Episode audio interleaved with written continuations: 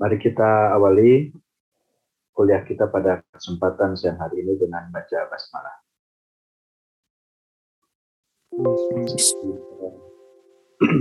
Raditu billahi rabba wa bil islam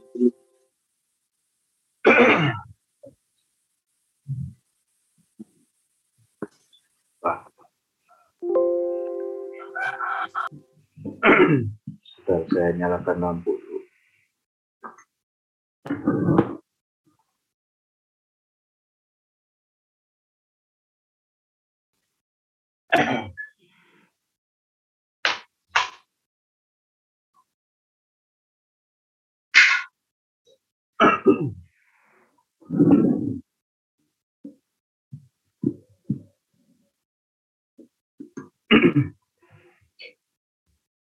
Ya, ya lebih terang.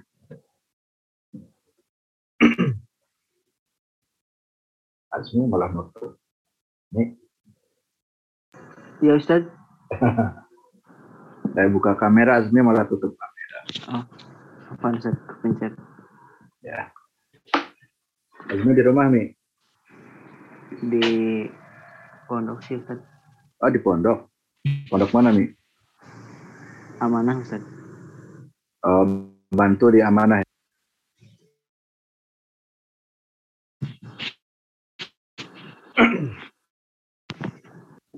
Abu Abu Salatil Musafiri, nah, kita akan menjelaskan tentang bab salat musafir.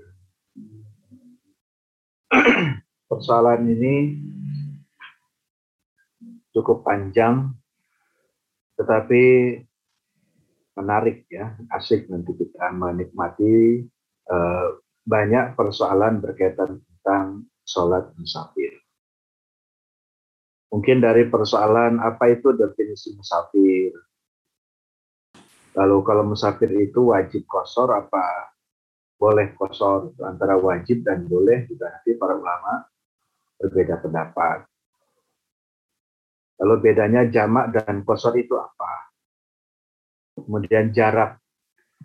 Orang boleh mengkosor itu jika jarak perginya berapa. Lalu lamanya juga ini jadi persoalan. Ketika Azmi dari Tasik ke Kaliurang, Yogyakarta, itu di Yogyakarta itu termasuk musafir apa tidak? Jadi berapa lama? Selama jadi tolabah, tiga tahun, kemudian musafir, atau musafir itu hanya hitungan hari saja. Nah, itu eh, perdebatan ini sering berulang-ulang dan antum sebagai calon ulama tentu harus bisa mengetahui dari sisi fikihnya dan juga dari sisi argumentasi masing-masing para ulama dalam membahas persoalan ini. Baik, kita urut dari hadis yang pertama. An Ibni Umar dari Ibnu Umar. Qala Ibnu Umar berkata, berkata, "Sahibtu Nabi sallallahu alaihi wasallam wa kana la yazidu fis safari ala rakaataini." Kata Ibnu Umar, saya itu menemani Nabi dan selama dalam menemani Nabi itu karena la yazidu safari. Nabi tidak pernah menambah sholat di dalam safar ala ini melainkan atas dua rakaat. Jadi kebiasaan Nabi itu kalau Nabi safar ya sholatnya dua rakaat. Wa Bakrin wa Umar wa Utsman kadalik. Demikian pula dengan Abu Bakar, Umar, Utsman sebagaimana seperti itu. Jadi Nabi, Abu Bakar, Umar dan Utsman itu fi'liyahnya jika beliau safar maka beliau sholatnya dua rakaat. Jadi bahasa lain dikosor. Cuma nanti yang akan menjadi persoalan apakah sholat dua rakaat atau kosor itu hukumnya wajib. Jadi setiap musafir wajib kosor ataukah hanya rukhsah saja atau boleh kosor. Nah nanti ada perdebatannya. Nah, kita baca dulu secara umum hadis ini menggambarkan simpulan Bakar, Umar, Utsman atau para sahabat, kalau beliau safar, maka beliau selalu mengkosor sholat. Dari mana kata selalunya atau kesimpulan selalu mengkosor sholat? Dari kalimat kana la yazidu. Nah, dari situ disimpulkan la yazidu tidak pernah menambah lebih dari dua rakaat. Ini juga nanti akan menjadi dalil bagi ulama yang berpendapat musafir itu wajib ya, wajib mengkosor sholat. yang kedua, hadis Ya'la bin Umayyah. Qultu li Umar bin Khattab. Saya pernah bertanya kepada Umar bin Khattab. Jadi Ya'la bin Umayyah itu bertanya kepada Umar bin Khattab tentang ayat Falaisa alaikum junahun an taksuru minas salati in khiftum ayaftinakum alladina kafar. Ini surat An-Nisa ayat 101. Tolong dibuka Al-Qur'annya. Surat An-Nisa ayat 101. yang ada Quran dibuka juga. Ini falaisa alaikum junahun itu kan potongan ayat. Atau cuplikan ayat itu surat An-Nisa ayat 101. Ayat ini juga penting untuk kita cermati karena ini menjadi dasar ya. Dasar tentang sholat kosor itu Al-Qur'annya ini dasar. Baik, sudah ada yang pegang Quran? Sudah Ustaz.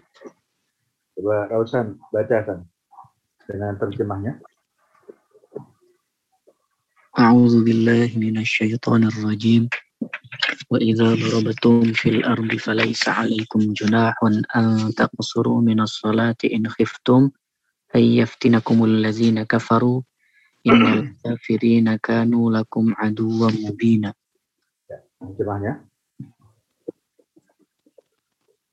Terjemahnya.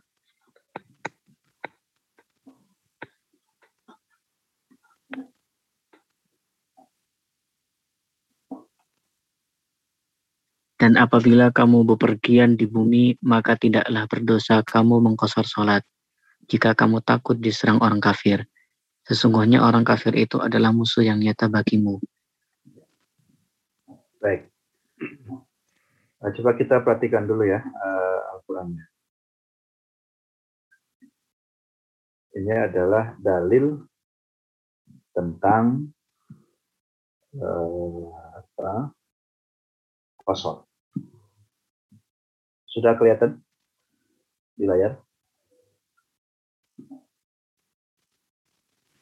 Sudah, baik. Mari diperhatikan. Nih, wa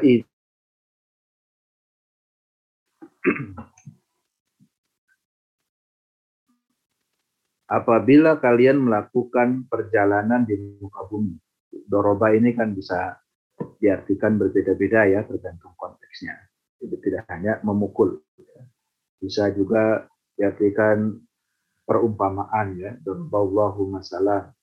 Jadi dorobtum diartikan dahaba. Waida dorobtum fil ardi, apabila kalian melakukan perjalanan di muka bumi, maksudnya melakukan safar. Falaisa alaikum junahun antak suruh minus salat. Nah, antak suruh minus salat.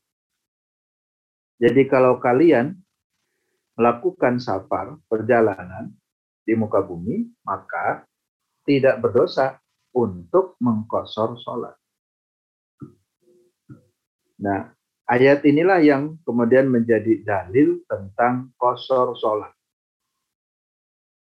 Mohon dicermati, apa ilatnya orang boleh kosor sholat itu apa ilatnya?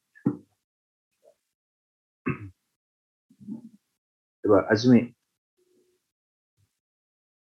Karena eh, capek dalam bepergian, Ustaz. Capek? Iya, lelah. Karena lelah ya, karena capek. Coba Badru, apa ilatnya safar apa kosor itu?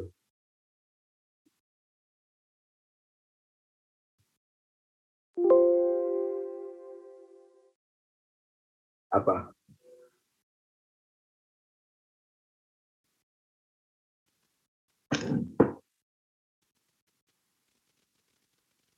Mm-mm.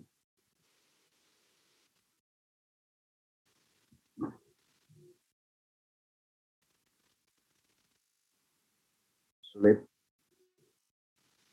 Sulit apa? Diungkapkan. Cuma cinta kata Azmi. Sulit diungkapkan dengan kata-kata. Sama ya. Kayak Azmi ya. Tentang orang Jawa Barat sama. Coba kalau begitu yang lain. Jihan, Jihan, Ya Ustaz. mana Jihan? Hadir Ustaz. belum muncul ya bagaimana eh, apa ilatnya orang sholat kosor itu apa Eh, mungkin ini Ustaz. Hmm. Karena ada rasa khawatir atau takut nih Ustaz. In khiftum ini Ustaz. oh hitam takut Iya Ustaz. Jihan pernah sholat kosor enggak Karena Ustaz, di mana ketika pas melaksanakan perjalanan Ustaz, ke mana itu pernah contohnya ke mana dari Ustaz. itu di mobil apa pas di mana itu sholat kosor apa di Lamongannya ke waktu itu sampai eh, Mojokerto Ustaz. berarti sholatnya di kendaraan di masjid Ustaz. oh turun gitu Ya, turun di masjid. Itu dikosor karena takut apa gimana kok kosor? nggak takut nggak? Ya mungkin gitu. Kalau karena kalau karena in hitum takut harusnya jihan jangan kosor ya nggak takut. ya, baik. Kalau kata jihan karena ada takut, kata Azmi dan Badru karena lelah. Coba siapa lagi yang mau berpendapat saya biar tahu dulu. Saya Tat, Siapa saya? Ahmad Sedi Tat. Silakan. Mana belum muncul di, di layar saya nggak nampak. Silakan mas. Eh, ini biasanya kalau pribadi Ustaz, kalau mengkosor sholat itu biasanya eh, supaya mempersingkat Ustaz. Maksudnya eh, enggak enggak singgah sekali dua kali untuk sholat. Jadi mempercepat waktu aja Tat gitu. Iya, alasannya kenapa mempersingkat waktu? Ada alasan apa? eh kadang kalau misalnya buru-buru kan Ustaz, terus eh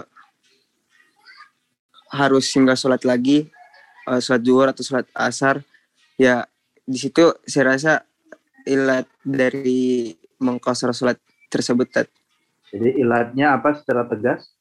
Karena Eh, supaya mempersingkat waktu aja Tat supaya nggak ini lagi apa Oh. nggak singgah-singgah melulu untuk sholat eh, supaya mempersingkat waktu. Ya, itu Iya, nanti cuman main-main saja tujuannya biar cepat. nggak Tat biasa kalau ke bandara atau segala macam Tat Oh, kalau ke bandara. gitu Tat. Baik. Ya. Baik. Nah, karena antum ini calon ulama, antum harus bisa paham apa itu ilat dan apa itu hikmah.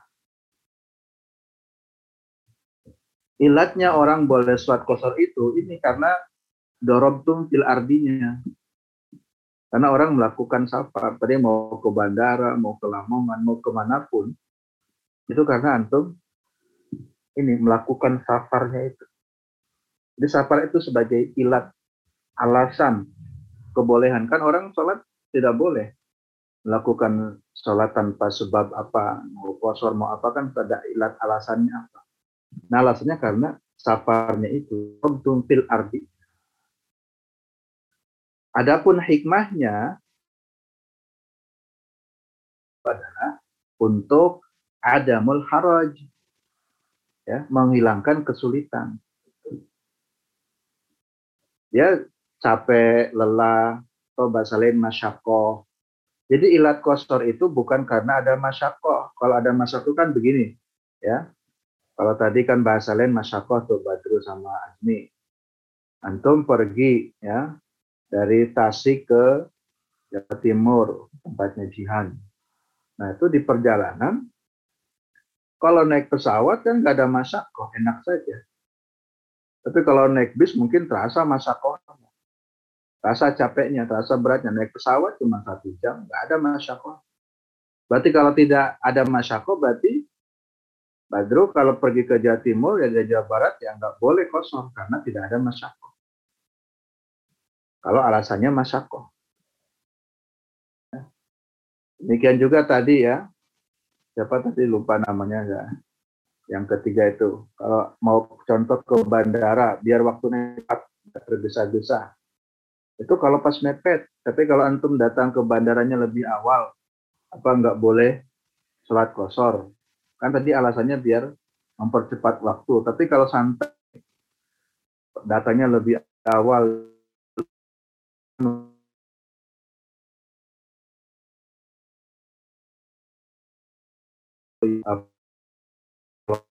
hilang hakor.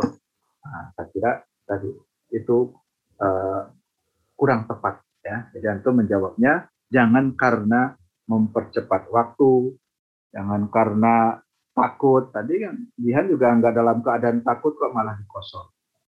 Nah, jadi bukan karena itu sebabnya. Ya, jadi sebabnya karena dorobtum fil ardinya. Nah itu. Adapun orang mengkosor itu hikmahnya, nah baru karena ada apa untuk menghilangkan masyakoh. Memang para ulama nanti berdebat ya, apakah kosor itu ada mas karena ada masako atau karena safar perdebatannya di situ sebenarnya masako atau safar. Cuman kalau saya pendapatnya karena safarnya bukan karena masako. Karena kalau orang mengkosor sholat karena masako, jika masako tidak ada, tidak boleh kosor. Boleh kosor kalau ada masako. Antum pergi ke dari Jawa ke Sumatera ke Kalimantan selama nggak ada masyakoh nggak boleh mengkosor sholat kalau ilatnya masyakoh tapi ilatnya karena safar karena nanti antum akan masuk juga pada perdebatan berapa jaraknya 10 km boleh itu sudah boleh mengkosor nanti ada pendapat yang membolehkan 10 km padahal jarak 10 km kan pendek sekali tidak ada masyakoh kalau berprinsip ilatnya karena masako, orang nggak boleh kosong. Tapi kalau kalau ilatnya letaknya di saparnya, boleh. Mau capek, mau tidak, yang penting musafir ya boleh untuk mengkosor. Jadi tolong dibedakan ilatnya atau kebolehan orang kosor itu falaisa alaikum jin antaksun itu karena dorobtum fil ardinya. Nah, Ayat ini ditanyakan oleh Abu Ya'la bin Umayyah kepada Umar bin Khattab. Nah, Umar bin Khattab itu ditanya begini, "Wahai Umar, ini bahasa anu ya, bahasa bebasnya. Umar, saya mau tanya. Di dalam An-Nisa 11 di situ ada kalimat falaisa alaikum junahun antak sunnaslati in khiftum ayatinakum alladina kafaru. Nah, ini Contohnya hampir sama dengan yang katakan. Ini kalau in hitum. Kan dalam Quran ada in hitum. Ini syarat di sini. Kalau ini menjadi syarat, bolehnya kosor itu kalau ada kekhawatiran fitnah dari orang kafir. Fitnah itu bisa karena ada serangan, ada bahaya, barulah kita kosor. Bukankah fakad aminan nasu? Nah, lihat lagi ke hadis. Fakad aminan nasu bukankah sekarang orang-orang sudah aman? Nah, tadi Jihan mau ke Lamongan. Bukankah dalam perjalanan menuju Lamongan itu aman-aman saja? Kenapa harus dikosor? Kan kata Qur'annya in ayat tinakum ladina kafaru. Gak ada musuh, gak ada apa kok kosor. Itu ditanyakan kepada Umar bin Khattab. Qala jawaban Umar gini. Ajib tu mimma ajibta minhu. Nah, ini bagus kalimatnya. Ajib tuh mimma ajibta minhu. saya merasa aneh juga dulu sebagaimana kamu merasa aneh tentang persoalan. Padahal kata Qur'annya in khiftum. Dan keanehanku dulu kata Umar, sebagaimana kamu aneh sehingga bertanya kepadaku, Pasal tu Rasulullah Islam andalika. Dulu juga aku tanyakan ini kepada Rasulullah Islam tentang persoalan itu. Faqala lalu Nabi menjawab, sadaqatun sadaqallahu biha alaikum balu sadaqatahu. Itu adalah sodakoh. Ya. Rasulullah biha alaikum. Allah telah memberikan sodakoh untukmu Fakbalu sodakotahu maka terimalah sodakohnya. Antum ya ini Jihan ketika di PUTM kali orang kemarin waktu belum COVID. Coba saya tanya. Jihan pernah tidak waktu di asrama PUTM sholat kosor atau jamak kosor? Pasti asrama belum pernah. Oh, belum pernah. Ya. Jihan orang mana? Orang Tulung Agung, Ustaz. Ah, Tulung Agung. Lalu kuliah di Jogja ya. Itu status di Jogja di Kaliurang itu statusnya musafir atau penduduk mukim?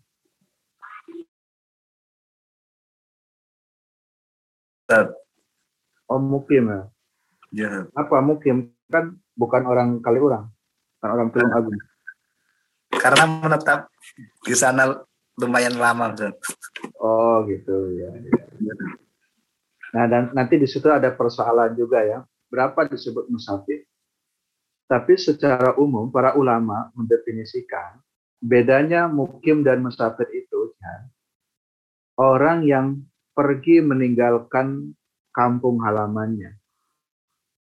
Selama belum kembali ke kampung halamannya maka disebut musafir. Definisi musafir itu begitu. Ya sebenarnya Jihan dan kawan-kawan ketika pergi ke Jogja, selama antum belum niat untuk menetap jadi penduduk kali urang atau di Jogja, maka antum statusnya musafir. Karena musafir, nah, maka nanti pilihannya wajib kosor atau boleh kosor. Nanti dalam hukumnya begitu. Tapi kalau dari sisi musafir, definisi musafir itu adalah orang yang melakukan perjalanan meninggalkan kota tempat tinggalnya. Selama dia belum kembali lagi ke tempat kota tinggalnya, maka itu disebut musafir. Itu musafir. Kalau angkatan saya dulu waktu di PUTM, sering pada jamak kosor itu di asrama. Jadi eh, apa ya semacam ya kesepakatan kesepakatan tapi memahaminya rata-rata begitu kita ini musafir karena musafir ya dijama dan kosor hanya bedanya ada yang berpendapat wajib kosor ada yang berpendapat boleh kosor ya nah itu jadi selama di PUTM ini sebetulnya status antum musafir karena musafir maka kosor ini tidak dalam keadaan takut. Dikali orang tidak ada keadaan takut. Itu adalah sodako dari Allah. Allah sudah ngasih sodako buat Jihan, kok Jihan nggak mau ngambil sodako dari Allah. Padahal sudah diberikan sodako ya dari Allah.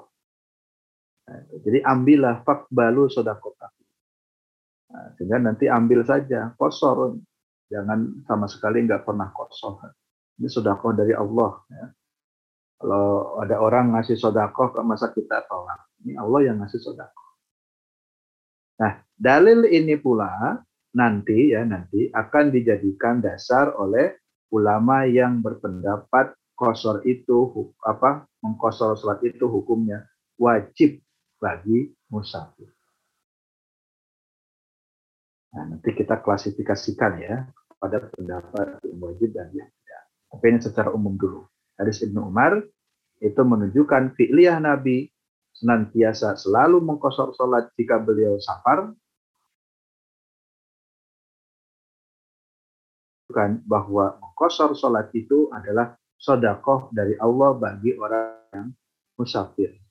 Agama itu sudah mudah, diberi kemudahan kok tidak dipakai. Allah kasih sodakoh, Allah kasih kemudahan kok tidak pada mau melaksanakan kosor. Jadi laksanakan saja. Yang gak boleh kosor itu kalau kita di tempat tinggal sendiri.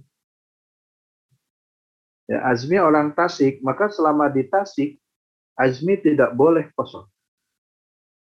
Jangan lupa ya, antum catat, bedanya jamak dan kosor.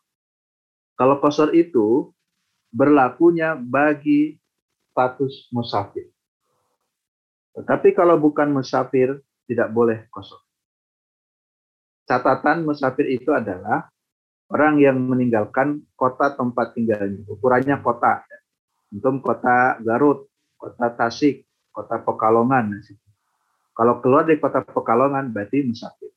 Tapi selama masih dalam satu kota Pekalongan itu namanya mukim.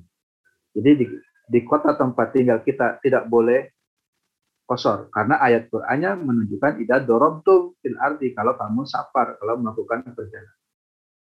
Tetapi kalau jama, itu membedakan tadi bedanya jama dan kosor. Kalau jama itu bisa dilakukan pertama ketika musafir boleh jama.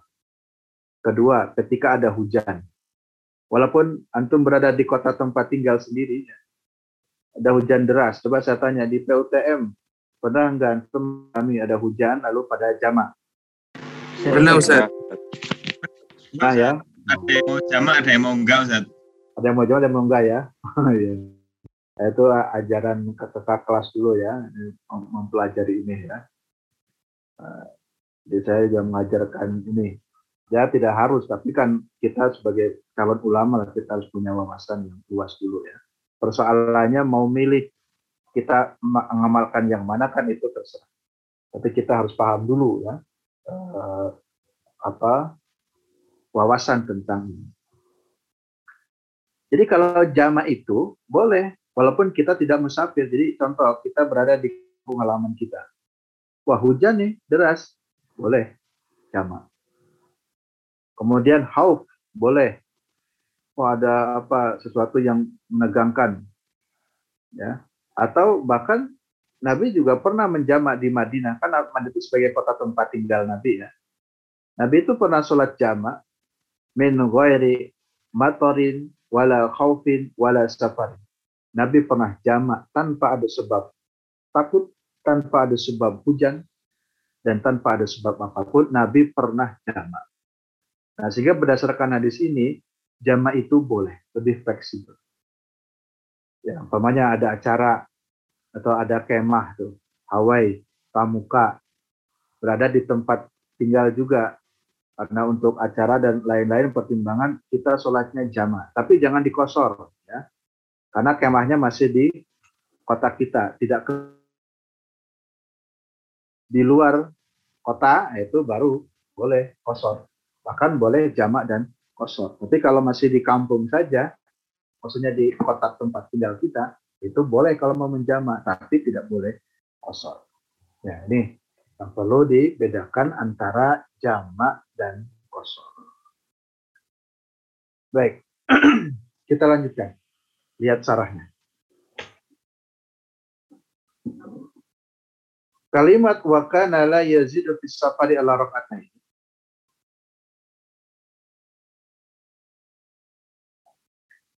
fihi anna Nabi sallallahu alaihi wasallam lazimul qasd fi safari wa lam yusalli fihi tamaman. Kalimat ini dalam hadis tadi, hadis Ibnu Umar karena la yazidu fi safari ini, di sini menunjukkan bahwa kebiasaan Nabi kalau safar itu selalu mengkosong. Antum boleh buktikan semua hadis-hadis safar, Nabi sholatnya selalu kosor. Pilihan Nabi. Kenapa Azmi nggak mau kosor kalau pergi? Kita UTM saja nggak pernah kosor. Padahal pilihan Nabi kalau safar, Nabi kosor. Ya.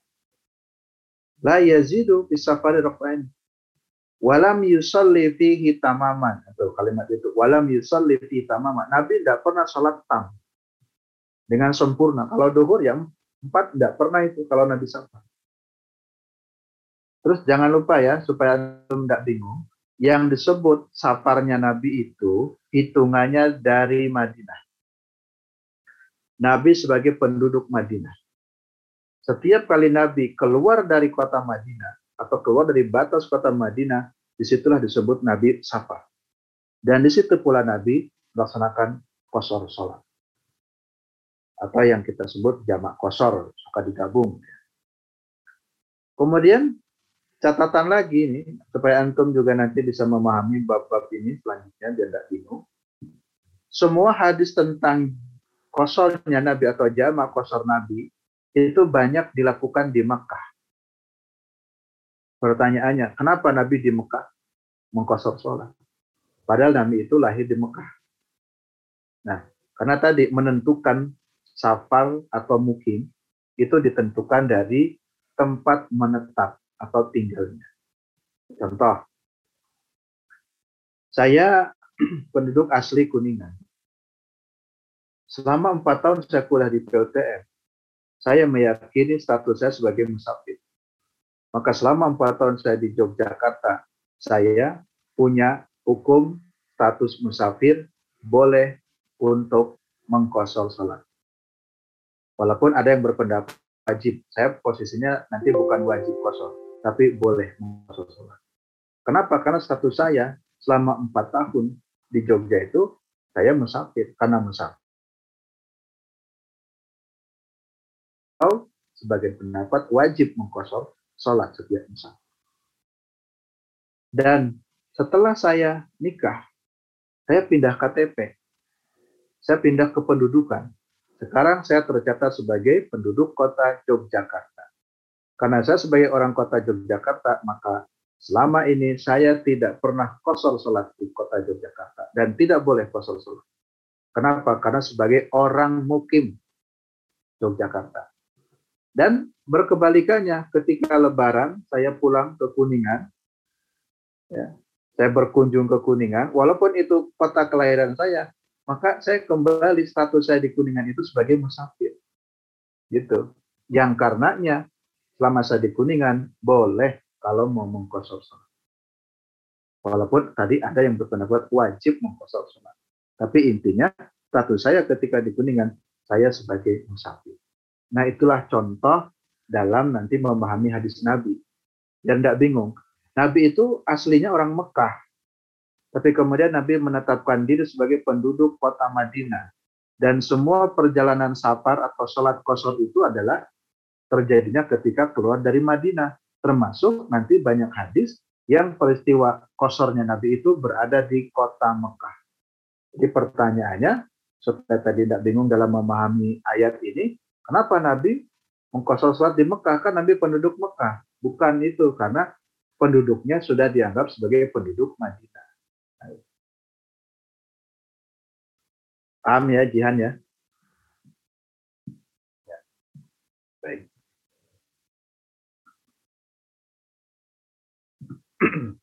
Dari ayatnya. Sekarang beberapa tambahan hadis.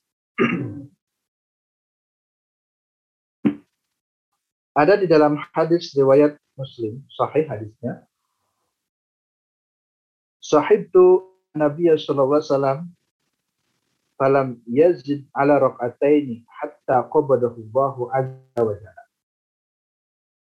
Kalau di dalam riwayat Muslim, kalau tadi kan riwayatnya mutafak alaih. Ya. Coba saya tanya itu masih ingat enggak yang disebut mutafak alaih itu apa? Hadis riwayat siapa mutafak alaih itu? uh, Bukhari dan Muslim Ustaz. Bukhari dan Muslim, bukan. Bukan Bukhari Muslim, Rifan. Apa arti mutafak alaih? Oh, disepakati oleh kedua tadi? Sepakati. Bisa Disepakati disepakati oleh oleh Bukhari dan Muslim Ustaz. ya masih belum tepat juga.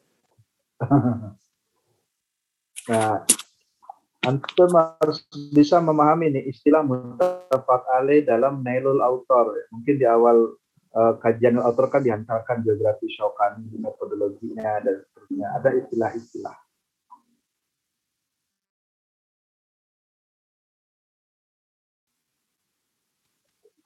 Nih. Sepertinya lupa Ustaz. Man, Arman, ingat nggak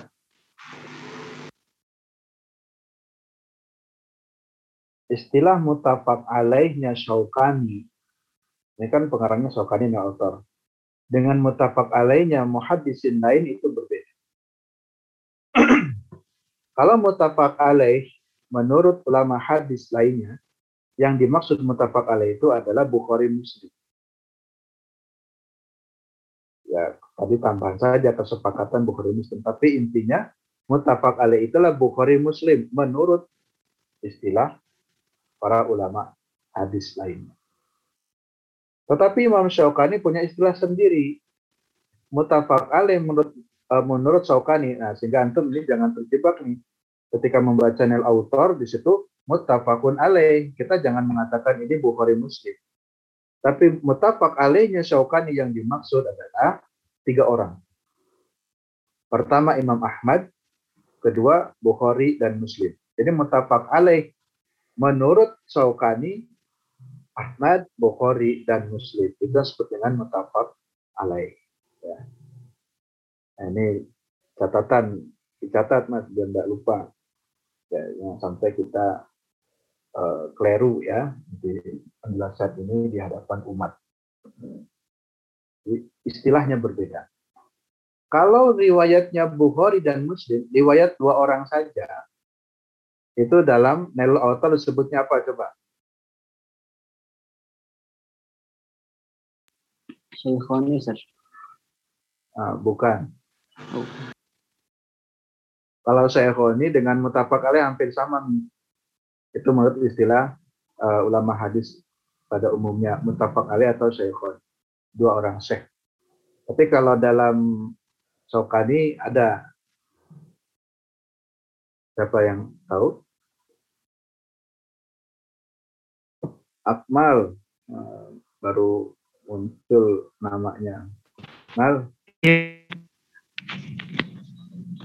hadir Mal. Hadir Ustaz. Ah ya, Hadir Ustaz. ya baik. Kalau riwayat riwayat hanya Bukhari Muslim, istilahnya apa Mal? Kalau misalkan el author? Sahihain Ustaz. Ah, bukan. Itu masih sama. Tafak alaih, sahihain, saikhon.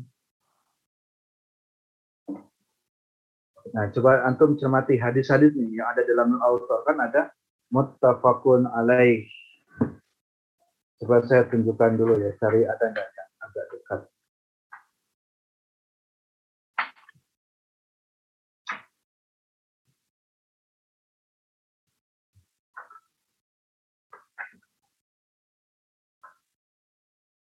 Ini belum ada contoh. Baik, nanti dicari. Jadi, kalau yang dimaksud riwayat Bukhari Muslim menurut Syaukani, itu nanti tertulisnya akhroja, jimnya panjang. Akhroja telah mengeluarkan dua orang yang dimaksud Bukhari Muslim. Jadi nanti kalau nggak paham nanti bingung. Ada satu hadis tiba-tiba tertulisnya akhroja ini riwayat siapa? Nggak ada namanya akhroja diriwayat, dikeluarkan oleh dua orang. Nah, jadi kalau itu riwayatnya Bukhari dan Muslim, maka Imam Syaukani menulisnya akhroja. Coba antum nanti cari ya di kitab sini. Ada tertulisnya cuma akhroja saja. Orang kalau nggak paham bingung akhroja atau rawahu akhroja telah meriwayatkan nah, sopo akhroja dua orang yang mengeluarkan kan bingung yang dimaksud akhroja itu adalah Bukhari Muslim. Tapi kalau rawahu muttafaqun alaih yang dimaksud muttafaq alaih itu tambahnya dengan Ahmad, Imam Ahmad, Ahmad, Bukhari dan Muslim. Baik, kita lanjutkan. Nah, kalau yang hadis Ibnu Umar itu riwayat muttafaq alaih, Bukhari, Muslim dan Ahmad, khusus di dalam lafad muslimnya begini. Walabdul hadis di sahihi muslim, yang dalam lafad muslim yaitu kan uh, hadis bertiga tuh. Tapi khusus dalam lafad muslim, bunyinya sahibtun Nabi SAW falam yazid ala rakataini hatta qabadahu Allahu azza wa jalla. Nah, antum kasih tuh, tuh kalimat hatta qabadahu Allah. Yang di dalam riwayat mutafak alaihnya dan tapi kalau di dalam lapat muslim ada kalimat. Jadi Nabi itu selalu mengkosor sholat belum safar hatta qabadahu sampai beliau wafat atau sampai Allah mewafatkan. Jadi artinya seumur hidup. Selama seumur hidup, kalau Nabi safar, Nabi kosor. Ini masalahnya ini, antum mau ngikut Nabi enggak? Kalau mengikut Nabi kosor, nih. Karena hatta qabadahullah. Sampai Allah wafatkan Nabi. Wa sahibtu Abu Bakrin falam yazid ala rakatani hatta qabadahu Allah azza wa jalla. Wa sahibtu Umar falam yazid ala rakatani hatta qabadahu Allah azza wa jalla. Wa sahibtu Utsman falam yazid ala rakatani hatta qabadahu Allah azza wa jalla. Nah ini. Jadi kalau dalam lafaz Muslim semuanya pakai hatta qabadahu Allah taala. Sampai beliau wafat, artinya Abu Bakar selama hidupnya kalau safar kosong. Umar dan Utsman pun demikian. Setiap kali mereka safar, mereka selalu kosong. Selama hidupnya. Hatta qobadahu. Itu maksudnya. Dalam lafad muslim. Nah, tolong dicatat lagi, ada perbedaan praktek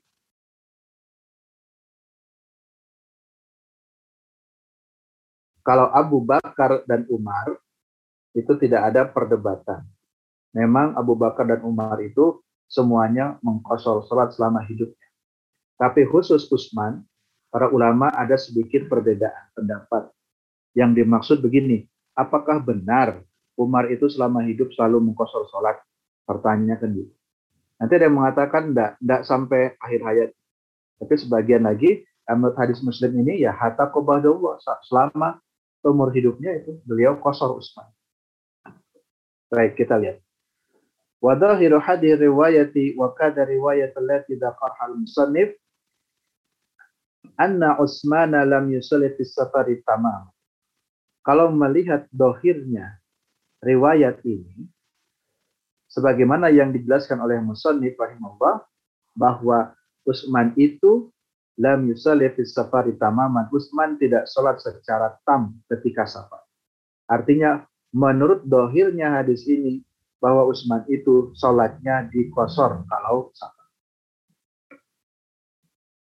Nah, catatan tentang Utsman pertama ada riwayat Muslim dari Ibnu Umar, catatan khusus untuk Utsman.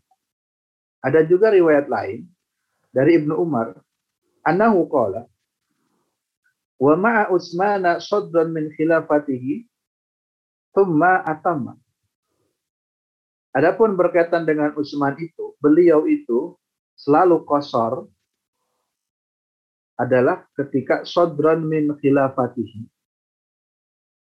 Selama dalam masa kekhalifahannya.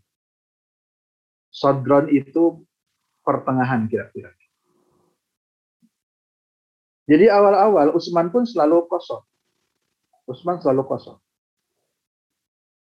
Tetapi itu hanya dilakukan oleh Utsman sampai pertengahan, Sodron min hilafati, sampai pertengahan kehilafahan beliau. Setelah itu, tumma atamma. Setelah itu beliau selalu tam. Beliau tidak kosor lagi. Kan orang kan boleh berbeda pendapat ya. Dulu punya pendapat A, sekarang berubah pendapat B. Saya juga waktu PUTM dulu seringnya berpendapat kosor. Tapi sekarang setelah ya, sudah istilah rumah tangga sudah dewasa tua itu sudah jarang kosor. Antum kalau ke PUTM pernah nggak melihat ada dosen yang kalau pas ngajar sering sholat jama kosor? Ada nggak? Nah lihat. Sholat duhur, asar, atau pas ngajar. Siapa Gosan? Ada yang pernah lihat? Ustaz Asep. Ustaz Asep apa? Asep Fauzi. Ahmad. Oh, suka jamak kosor beliau? Iya, Ustaz. Ya. yang suka jamak kosor juga ya. Saya selama ngajar di Kaliurang jarang melakukan jamak dan kosor. Tetapi dulu ketika masih jadi tolaba PUTM saya sering jamak kosor. Tetapi perubahan sikap itu bukan berarti merubah sisi hukumnya. Sisi hukumnya saya tetap meyakini ketika saya pergi ke Kaliurang, saya sebagai musafir. Sampai hari ini saya keyakinan saya musafir. Kalau ke Kaliurang. Karena saya orang kota Yogyakarta. Kaliurang kan Sleman, itu sudah beda kota. Tetapi walaupun saya keluar kota, status saya musafir, yang dalam musafir boleh untuk mengkosor sholat, tapi dalam prakteknya saya jarang mengambil itu. Karena saya berpendapatnya boleh. Kalau boleh itu kan boleh dilaksanakan dan boleh tidak. Tetapi kalau ada yang kosor, ya kita tidak boleh menyalahkan. Dan saya tidak juga menyalahkan. Tetapi sesekali boleh kita pakai. Saya biasanya memakai kebolehan itu menurut ukuran kondisi saya. Misalkan ada acara tarjini di Kaliurang, di tempat apa, hotel mana gitu, di daerah Kaliurang. Itu saya repot, waduh, nanti duhur sholat, makan, masuk lagi, asar, sholat lagi. Nah, saya mantap langsung saja saya akan ambil uh, rukshoh saya. Jadi langsung saya jamak kosong. Maghrib isanya juga saya langsung ambil jamak kosong. Walaupun ada peserta yang sholat maghrib nanti bisa sholat lagi. Nah di situ saya pakai karena ada ada masyakko itu. Saya repot bolak-balik ke kamar mandi, harus dibantu, akhirnya langsung saja saya mantap untuk mengambil rukshoh itu. Karena saya berpendapat itu boleh, bukan wajib. Ya. Nah, itu ya bedanya nanti wajib dan rukhsah. Nah, Usman begitu. Jadi Usman pada periode awal selalu kosong. Tapi menurut hadis Ibnu Umar ini bahwa kebiasaan Usman mengkosor sholat itu bukan sampai qobadahullah, tidak, tidak sampai akhir hayat. Tapi sampai sodron min khilafati ya kira-kira sodran itu pertengahan dari kehilafahannya. Karena setelah itu tumma atama beliau sholatnya dengan tam. Walaupun beliau safar ya sholatnya tam, nggak mau kos.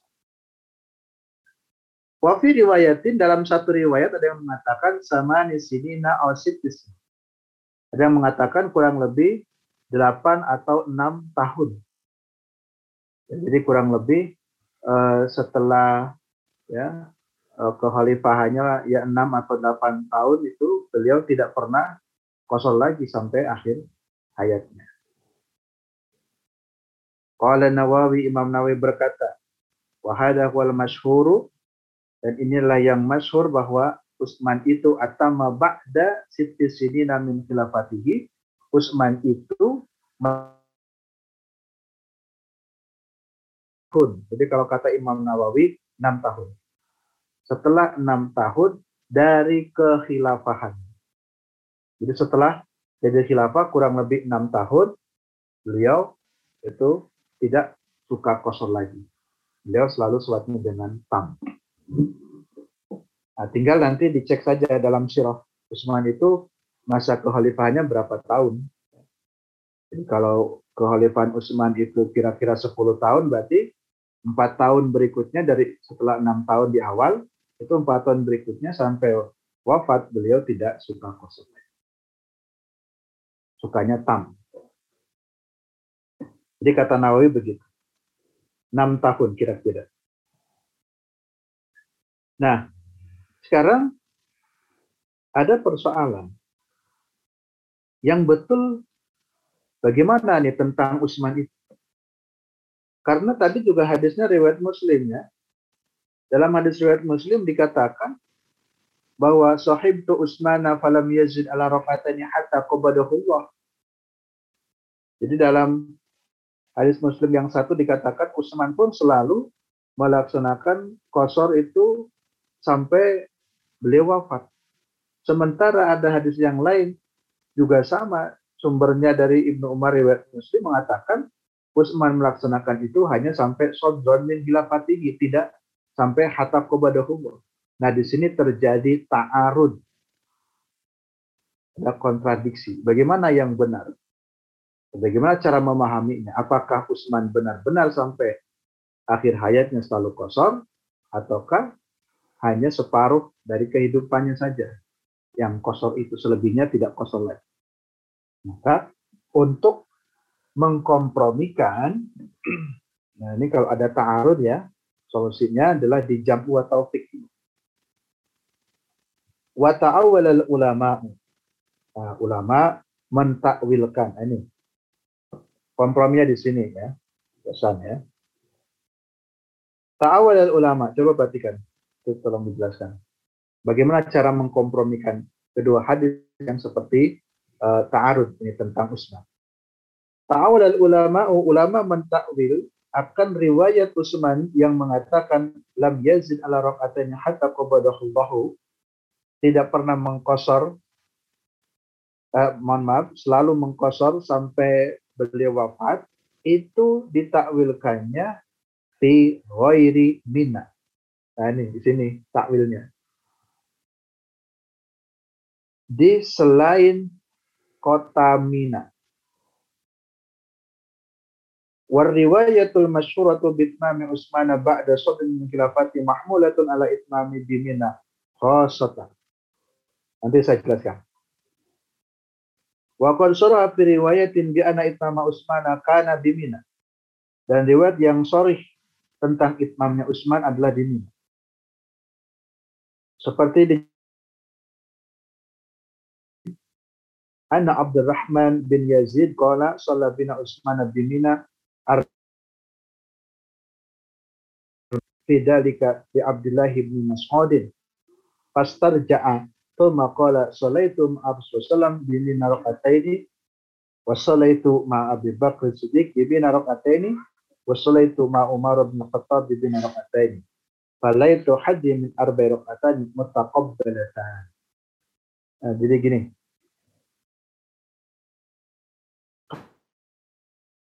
Jangan ya tentang fi'liyah Utsman. Dikompromikannya, Utsman itu selalu mengkosor sholat itu apabila di luar Mina. Tetapi kalau di Mina, beliau tidak mau kosor. Paham ya? Jadi kalau Usman berada di kota Mina, beliau tidak mau kosor terus-menerus. Tapi kalau di luar kota Mina, beliau tetap kosor. Sehingga hadis yang mengatakan Usman itu selalu mengkosor sampai akhir hayatnya, atau kepada Allah, itu diposisikannya ketika di luar kota Mina. Tapi kalau Usmannya berada di Mina, Usman tidak kosor lagi setelah kekhalifahan enam tahun itu. Nah, di situ komprominya. Jadi tidak bertentangan. Karena yang hatta Allah itu diposisikannya di luar kota Mina. Sedangkan kalau di Minanya, Usman tidak lagi mau kosong.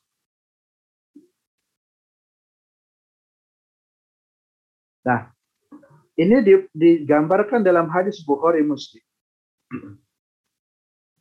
Abdurrahman bin Yazid ini cerita. Ya, Abdurrahman cerita kepada Ibnu Mas'ud. Kata Abdurrahman bin Yazid, Salah bina Utsman bimina. Eh, Ibnu Mas'ud, ini bahasa saya ya. Ibnu Mas'ud, saya pernah sholat dengan Umar di Mina. Nah, kok Umar sholatnya arba rakaat empat rakaat kok nggak dikosor ya? Lalu fakilah tidak kali Abdullah bin Mas'ud. Nah, itu ditanyakan kepada Ibnu Mas'ud. Kok Utsman gitu ya Ibnu Mas'ud ya? Ini kan sama-sama sahabat nih. Kata Abdurrahman bin Yazid. Saya pernah sholat loh bareng Utsman di Mina, tapi Utsman nggak kosor ya. Kenapa? Kira-kira gitu. Nah mendengar itu Ibnu Mas'ud pas terjek. beliau beristirja inna lillah wa inna ilaihi raji'un. Nah kok bisa Umar gak mengkosor sholat di Mina. Istarja'a, ya, istirja. Di Ibnu Mas'ud kaget. mengucapkan innalillah. Kok bisa Utsman nggak mau mengkosor sholat? Kata Ibnu Mas'ud, sholat itu ma'a Rasulullah SAW bimina ini. Padahal saya pernah sholat dengan Rasulullah di Mina, Rasul tetap kosor. Kenapa Utsman nggak mau kosor di Mina? Kata Ibnu Mas'ud, wasolaitu ma'abu kata ini. Kalau persoalan di Mina Utsman nggak mau kosor, kenapa? Padahal aku juga saksi pernah sholat bersama Nabi, pernah Abu Bakar dan Umar itu benar di kota Mina. Langsung disebutkan tempatnya. Kalau yang Ibnu Umar kan yang ini kan umum. Saya menemani Nabi, Abu Bakar di mana itu kosor. Sekarang menjadi persoalannya Utsman kenapa di Mina nggak mau kosor lagi? Kata Ibnu Mas'ud, padahal saya pernah sholat bersama Nabi Abu Bakar dan Umar di Mina, di Mina ini dengan dua rakaat. Walaitu hadim arba'in rakaatani mutaqabbalatan. Barangkali ya langkah atau uh, hadi itu kan langkahku ya. Min arba'in dari empat rakaatani dua rakaat itu mutaqabbalatani yang diterima. Artinya di antara empat dan dua itu yang mutaqabbalataninya yang yang dua itu. Jadi kalau Ibnu Mas'ud ya pendapatnya walaupun di Mina itu tetap dikosor dasarnya karena Nabi pun bersama Abu Bakar Umar di kota Mina juga mereka tetap mengkosor sholat. Nah, apa alasannya Utsman seperti itu tadi, nanti antum akan temukan jawabannya di bab-bab berikutnya. Ya. Gosan, paham Gosan?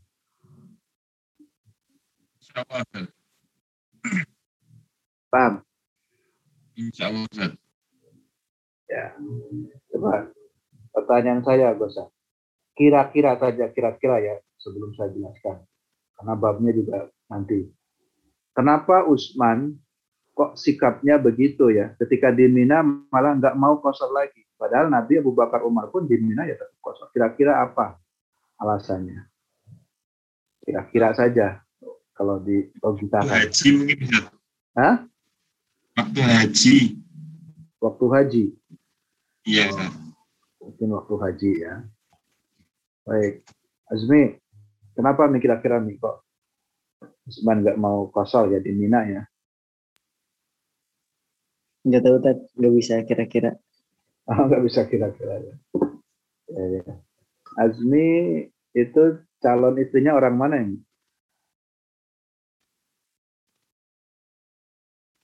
Orang mana Jian Azmi itu? Calon istrinya. Orang Banyumas ya? Kebumen.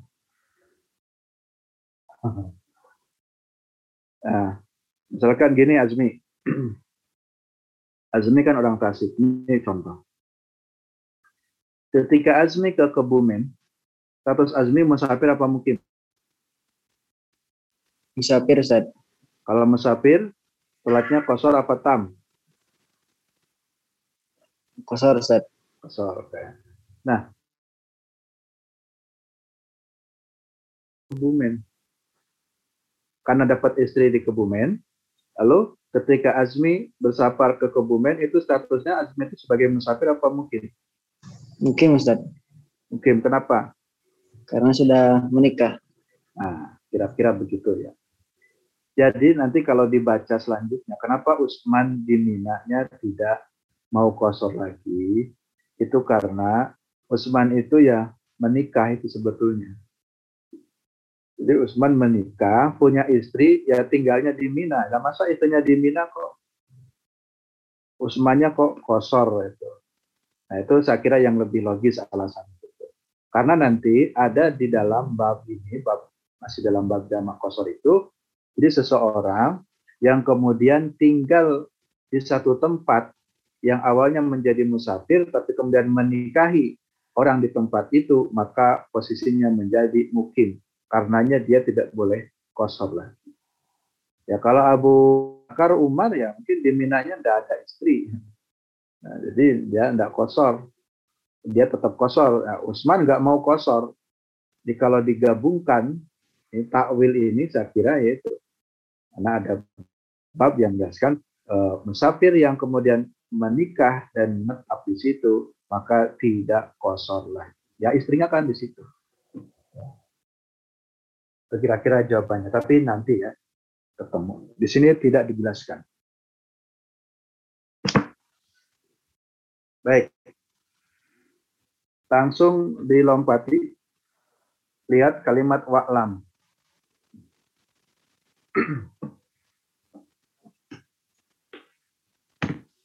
Sudah ketemu wa'lam.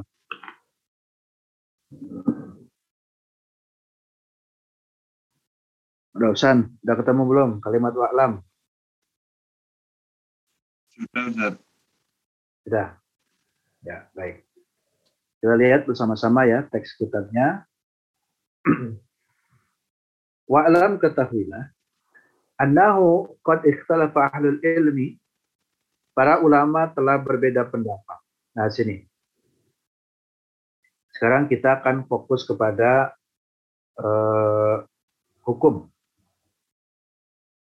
Bagaimana hukum sholat kosor bagi musafir? Halil qas wajibun amruh sotun. Itu. Apakah mengkosor sholat bagi musafir itu hukumnya wajib ataukah rukhsah? Ya, sini sudah mulai ada perdebatan tentang hukum.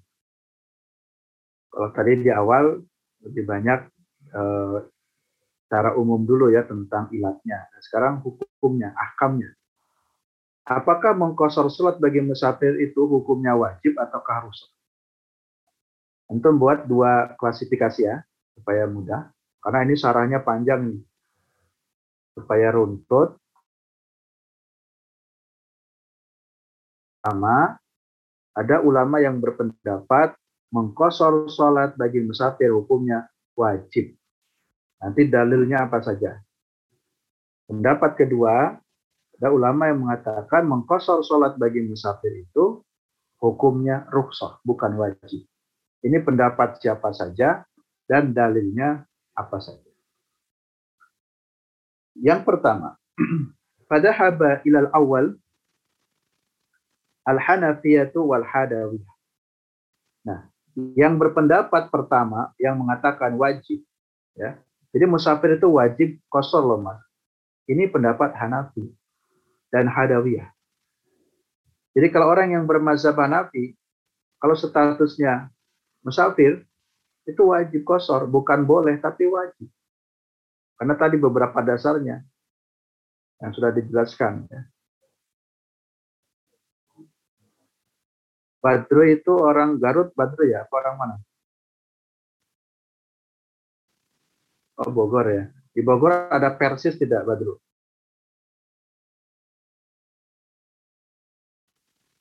Ada ya. Kalau basis Persis kebanyakan di daerah mana?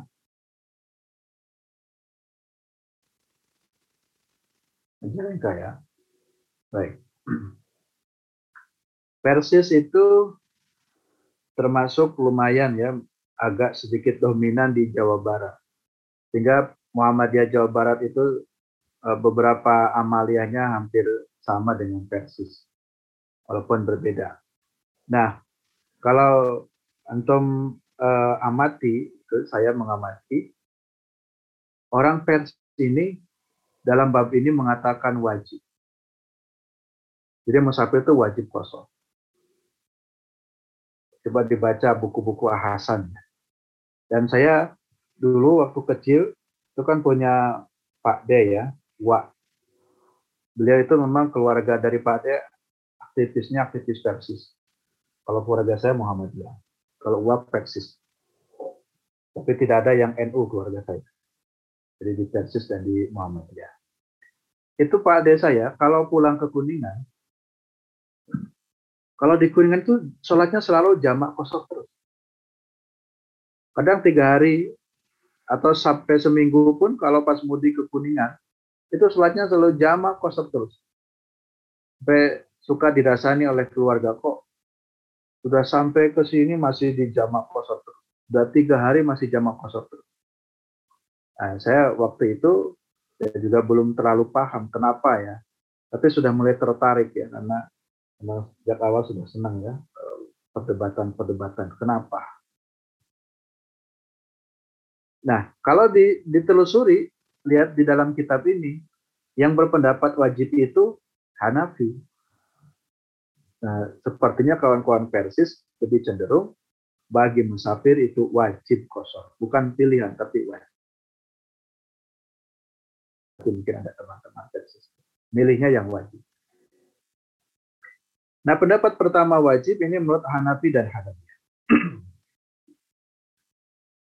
Mereka mendasarkan hadis yang diriwayatkan dari Ali, Umar, dan juga Imam Nawawi menyandarkan kepada pendapat ini bahwa ini adalah kebanyakan dari ahli ilmi. Di pendapat kebanyakan illa kasir min ahli ilmi.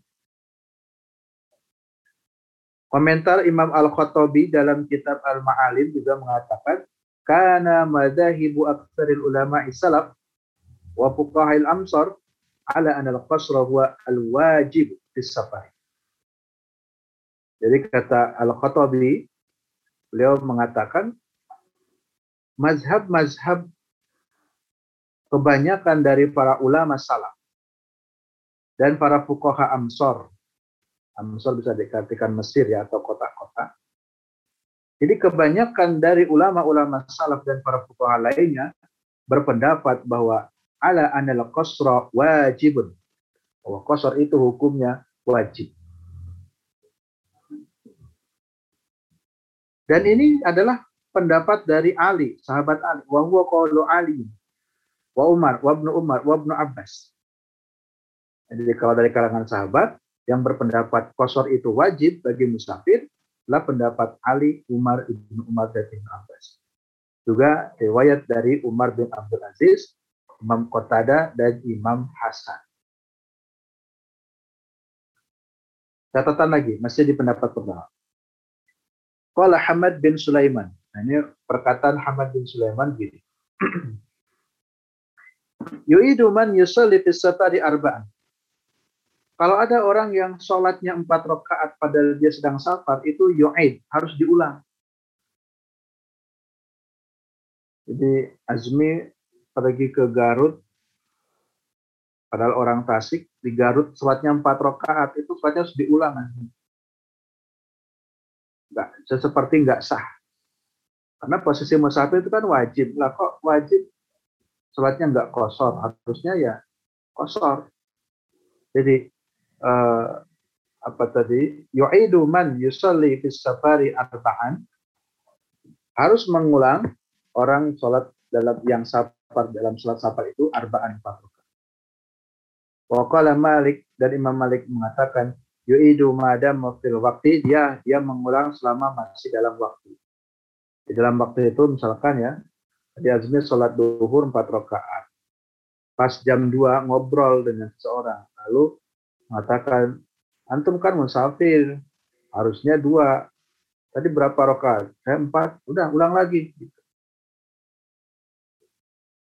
Selama masih dalam waktu. Tapi kalau sudah waktunya habis Pamannya Azmi tadi duhurnya empat rokaat padahal sedang musafir di Garut ngobrol-ngobrol. Uh, pas jam 4 sore asar. Kamu itu harusnya dua karena musafir. Tapi karena waktunya sudah lewat, ya sudah. Nah sekarang asal saja, asalnya empat atau empat. Nah, ulang lagi dua. Nah itu.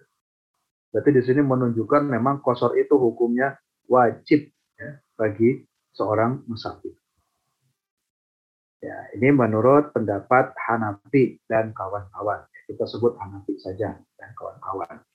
Karena kalau mazhab yang populer kan empat ya yang dikenal di Indonesia. Sekarang pendapat yang kedua.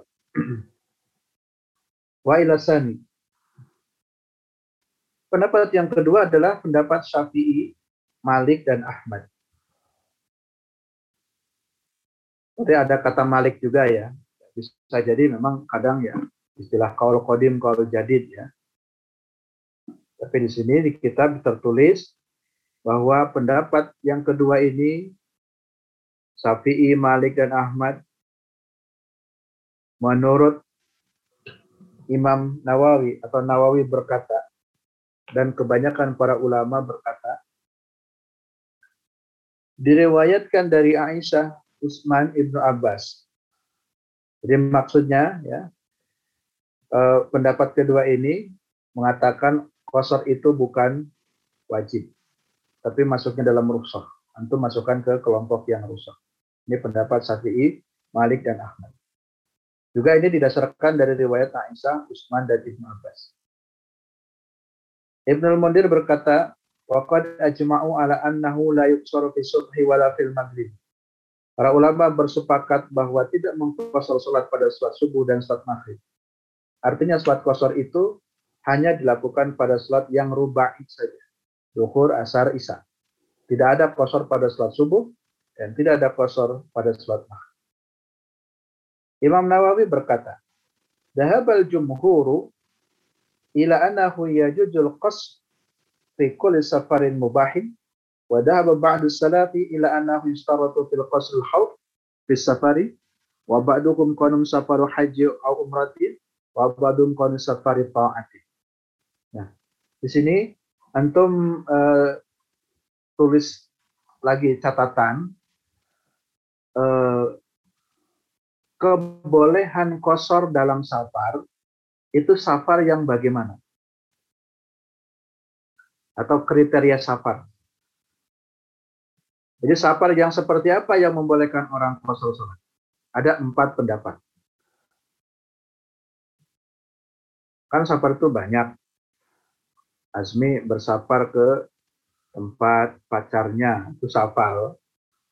Lalu di sana ikut sholat maghrib di tempat ya, calonnya. Itu safar yang begitu boleh kosor enggak? Atau umpamanya ya, Badru mau nonton film di bioskop. Lalu umpamanya ya, pas nonton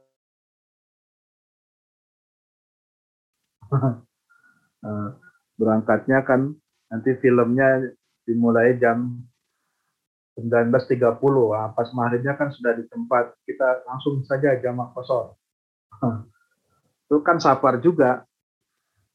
Bagaimana? Nah kriteria safar ada empat.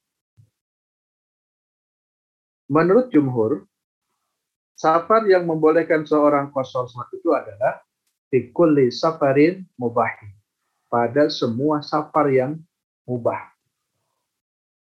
Di safar apa saja? Boleh. Antum mau rekreasi ya, eh, jalan-jalan. Nah di tempat rekreasi tersebut di puncak di Bogor ya, mau kosor boleh. Kan ini cuma main-main, Ustaz. Ini cuma jalan-jalan saja, betul. Tapi kan rekreasi juga hukumnya mubah, kan boleh. Nah berarti boleh, kosor itu boleh dalam semua safar. Safarin mubahin, safar yang diperbolehkan. Pendapat kedua tentang kriteria. Dahaba ba'du salaf ila anna yustaratu fil qasy al. Nah ini yang sedikit tadi disinggung oleh Jihan. Ada sebagian ulama salaf yang berpendapat bahwa disyaratkan kosor itu jika dalam keadaan takut. Jadi safarnya dalam kondisi khauf. Tapi berkebalikannya, jika tidak dalam keadaan khauf, ya tidak boleh untuk kosor sholat. Pendapat yang ketiga, wa ba'duhum qanu safaru haji wa umratin au umratin. Jadi safar yang diperbolehkan itu adalah safar untuk haji dan umroh. Jadi kalau orang haji umroh boleh mengkosor sholat. Apalagi jauh ya kita dari Indonesia. Di Makkah, di Madinah boleh mengkosor sholat untuk safar haji dan umrah. Dan yang keempat, wa'an ba'dukum qani safaru ta'atin. Safar dalam ketaatan. Antum pergi ke kali urang ke UTN itu mencari ilmu, mencari ilmu kan bagian dari ketaatan. Jadi boleh selama di kali urang antum boleh mengkosor sholat. Saya selalu mengatakan boleh ya, karena mengatakan boleh itu pendapat saya. Tapi sebetulnya kalau dalam fikihnya wajib, ada yang wajib, ada yang boleh. Jadi langsung menggunakan kalimat pendapat saya. Jadi boleh. Tapi kalau yang berpendapat wajib, lama antum dikali orang wajib kosong. Kalimatnya akan begitu ya. Ini supaya dipahami bolehnya itu karena sudah membawa pandangan saya. Tapi kalau dalam pandangan fikih ya kita fair saja semuanya. Ada yang mengatakan wajib, mengatakan boleh. Jadi itu safar taat itu membolehkan orang untuk kosong atau wajib orang untuk kosong. Karena talabul ini itu safar taat. Tapi mohon maaf ya, barangkali ya ada orang yang kerjanya di diskotiknya, kerjanya di diskotik, asor lah, karena pulangnya larut malam.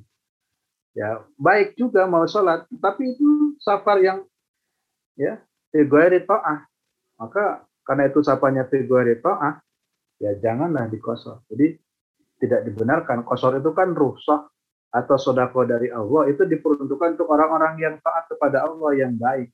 Nah, sehingga dipakainya hanya untuk orang-orang yang baik. Nah, jadi itulah kriteria safar yang diperbolehkan untuk kosor sholat ada empat. Pertama, safar apa tadi? Semua safar yang mubah. Lalu yang kedua, safar yang karena takut. Yang ketiga, safar untuk haji dan umroh. Dan yang keempat, safar dalam ketaatan. Selain itu, tapi tidak boleh. Demikian dulu untuk kuliah kita pada kesempatan siang hari ini. Allah kita lanjutkan. Ini lebih menarik lagi yang akan kita perdalam besok. Apa alasan Hanafi dan kawan-kawan mengatakan wajib? Alasannya. Juga apa alasan Syafi'i dan kawan-kawan yang mengatakan kosor itu bukan wajib, tapi rukhsah saja. Yang akan kita perdalam pada penjelasan berikutnya. Insya Allah nanti kita jelaskan besok hari Rabu, berarti kita jelaskan lagi. Kalau bacanya sudah sampai mana, Mas? Yan.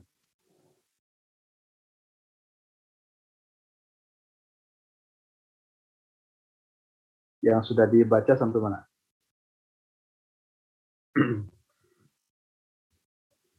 Sampai terakhir saat yang bab safar. Oh, sudah selesai amal ya?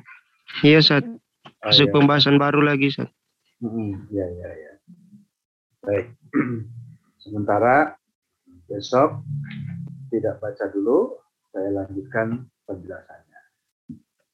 Lalu yang berikutnya untuk informasi, dulu saya mengatakan mungkin di akhir atau pertengahan September ada penyelesaian jadwal ya.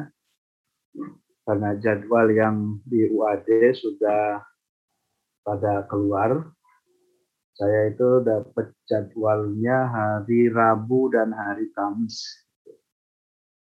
Eh, Sudah dipadatkan di Rabu dan Kamis sehingga kemungkinan jadwal antum yang ada di hari Rabu kemungkinan eh, bertabrakan ya kayaknya. Belum saya cek lagi tapi kemungkinan bertabrakan. Nah, UAD masuknya mulai Senin depan tanggal 20 September sudah aktif kode MUAD. Nah, oleh karena itu nanti Jihan dua kelas ya nanti eh, bisa berkomunikasi mungkin menyiasati jam mana yang kosong. Jadi kita kemungkinan memindahkan satu jam yang hari Rabunya. Kalau nanti tidak bisa dikompromikan dengan jadwal yang UAD. Atau jika ya khusus yang hari Rabu itu kuliahnya pakai WA group ya. Jadi antum merekam dan diskusi. Nah, kalau diskusi kan eh, nanti chattingan-chattingannya bisa saya menyimak dan mungkin saya komentarinya ya, setelah nanti eh, selesai karena kalau dua zoom juga tidak mungkin. Jadi kemungkinannya itu ya nanti cari waktu untuk tidak tabrakan jadwal atau umpamanya bisa disiasati.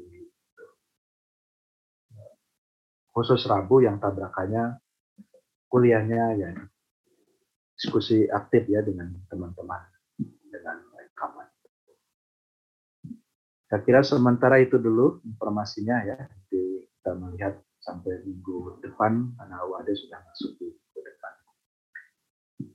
Mari